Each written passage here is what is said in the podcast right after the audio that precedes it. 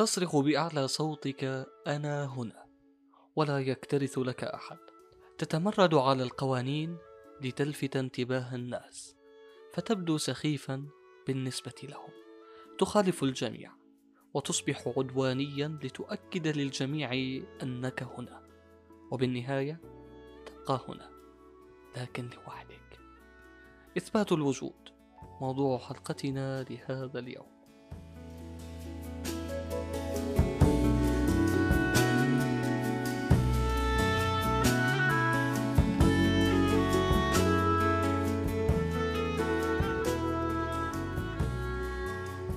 كلنا مرينا بمرحلة لقينا حالنا عم بنحاول نثبت وجودنا. وعدد كبير منا كانت محاولاتهم محاولات فاشلة. يعني البعض كان بيتبع قاعدة خالف تعرف وهي إنه دائما بيخالف الناس بكل إشي بس عشان يبين عشان الناس تشوفه. وفعلا كانت الناس تشوفه. بس كيف؟ هذا الإشي اللي ما فكر فيه. فعليا هذا الشخص كان شكله سخيف. كان واضح بالنسبة للجميع إنه هذا الشخص ثقته بنفسه مهزوزة إنه هذا الشخص ضعيف من جوا وبيحاول يمثل إنه قوي. كانت الناس تحزن عليه وتضحك عليه بنفس الوقت. كثير مهم إنك تثبت وجودك بس الأهم إنه كيف راح تثبت وجودك. الخطوة الأولى إنك تكون واثق بنفسك. كلنا بشر وما في حدا أحسن من حدا. من هذا الأساس لازم تنبع ثقتك بنفسك. ما في حدا أحسن منك بس بنفس الوقت كل واحد عنده إشي يميزه. فأنت اعرف الإشي اللي بميزك واشتغل عليه. وراح تلاقي ثقتك بنفسك زادت. لأنه شعور إنك شخص عديم الأهمية أو عديم الفائدة بطل موجود. الخطوة الثانية لازم تحكي لأ للإشي اللي مش حابب تعمله أو مش راح تقدر تعمله. بيجي شخص بيحكي لك ممكن تدرسني الدرس الفلاني؟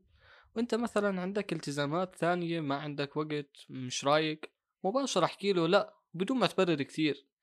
بعتذر منك ما بقدر لأنه ما عندي وقت. خلصنا. خلص لازم تكون مستقل بقرارك. تعمل إشي يلي انت موافق تعمله. من جواتك. مش إنه حدا بيفرض عليك شو تعمل. ما تسمح لأي بني آدم يفرض عليك شو تعمل. خليك دائما مستقل. الخطوة الثالثة أنت اللي بتحدد نظرة الناس إلك. إذا احترمت قيمتك ونفسك ومكانتك الكل رح يحترمك بدون أدنى شك. أما إذا كنت مقتنع إنك شخص مش مهم إنك مش قد حالك إنه ما حدا بحبك رح تلاقي فعلا إنه ما حدا رح يحبك.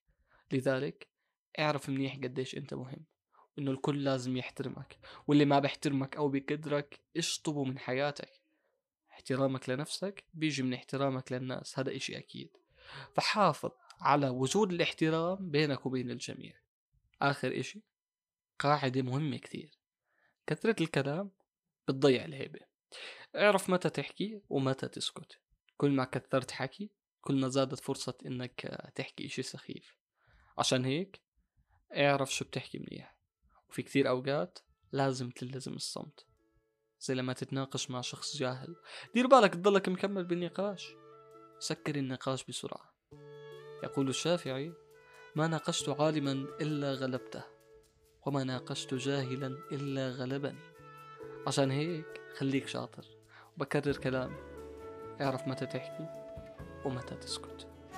ختاما أقول علمتني التجارب من يتصرف كملك يعامل كملك.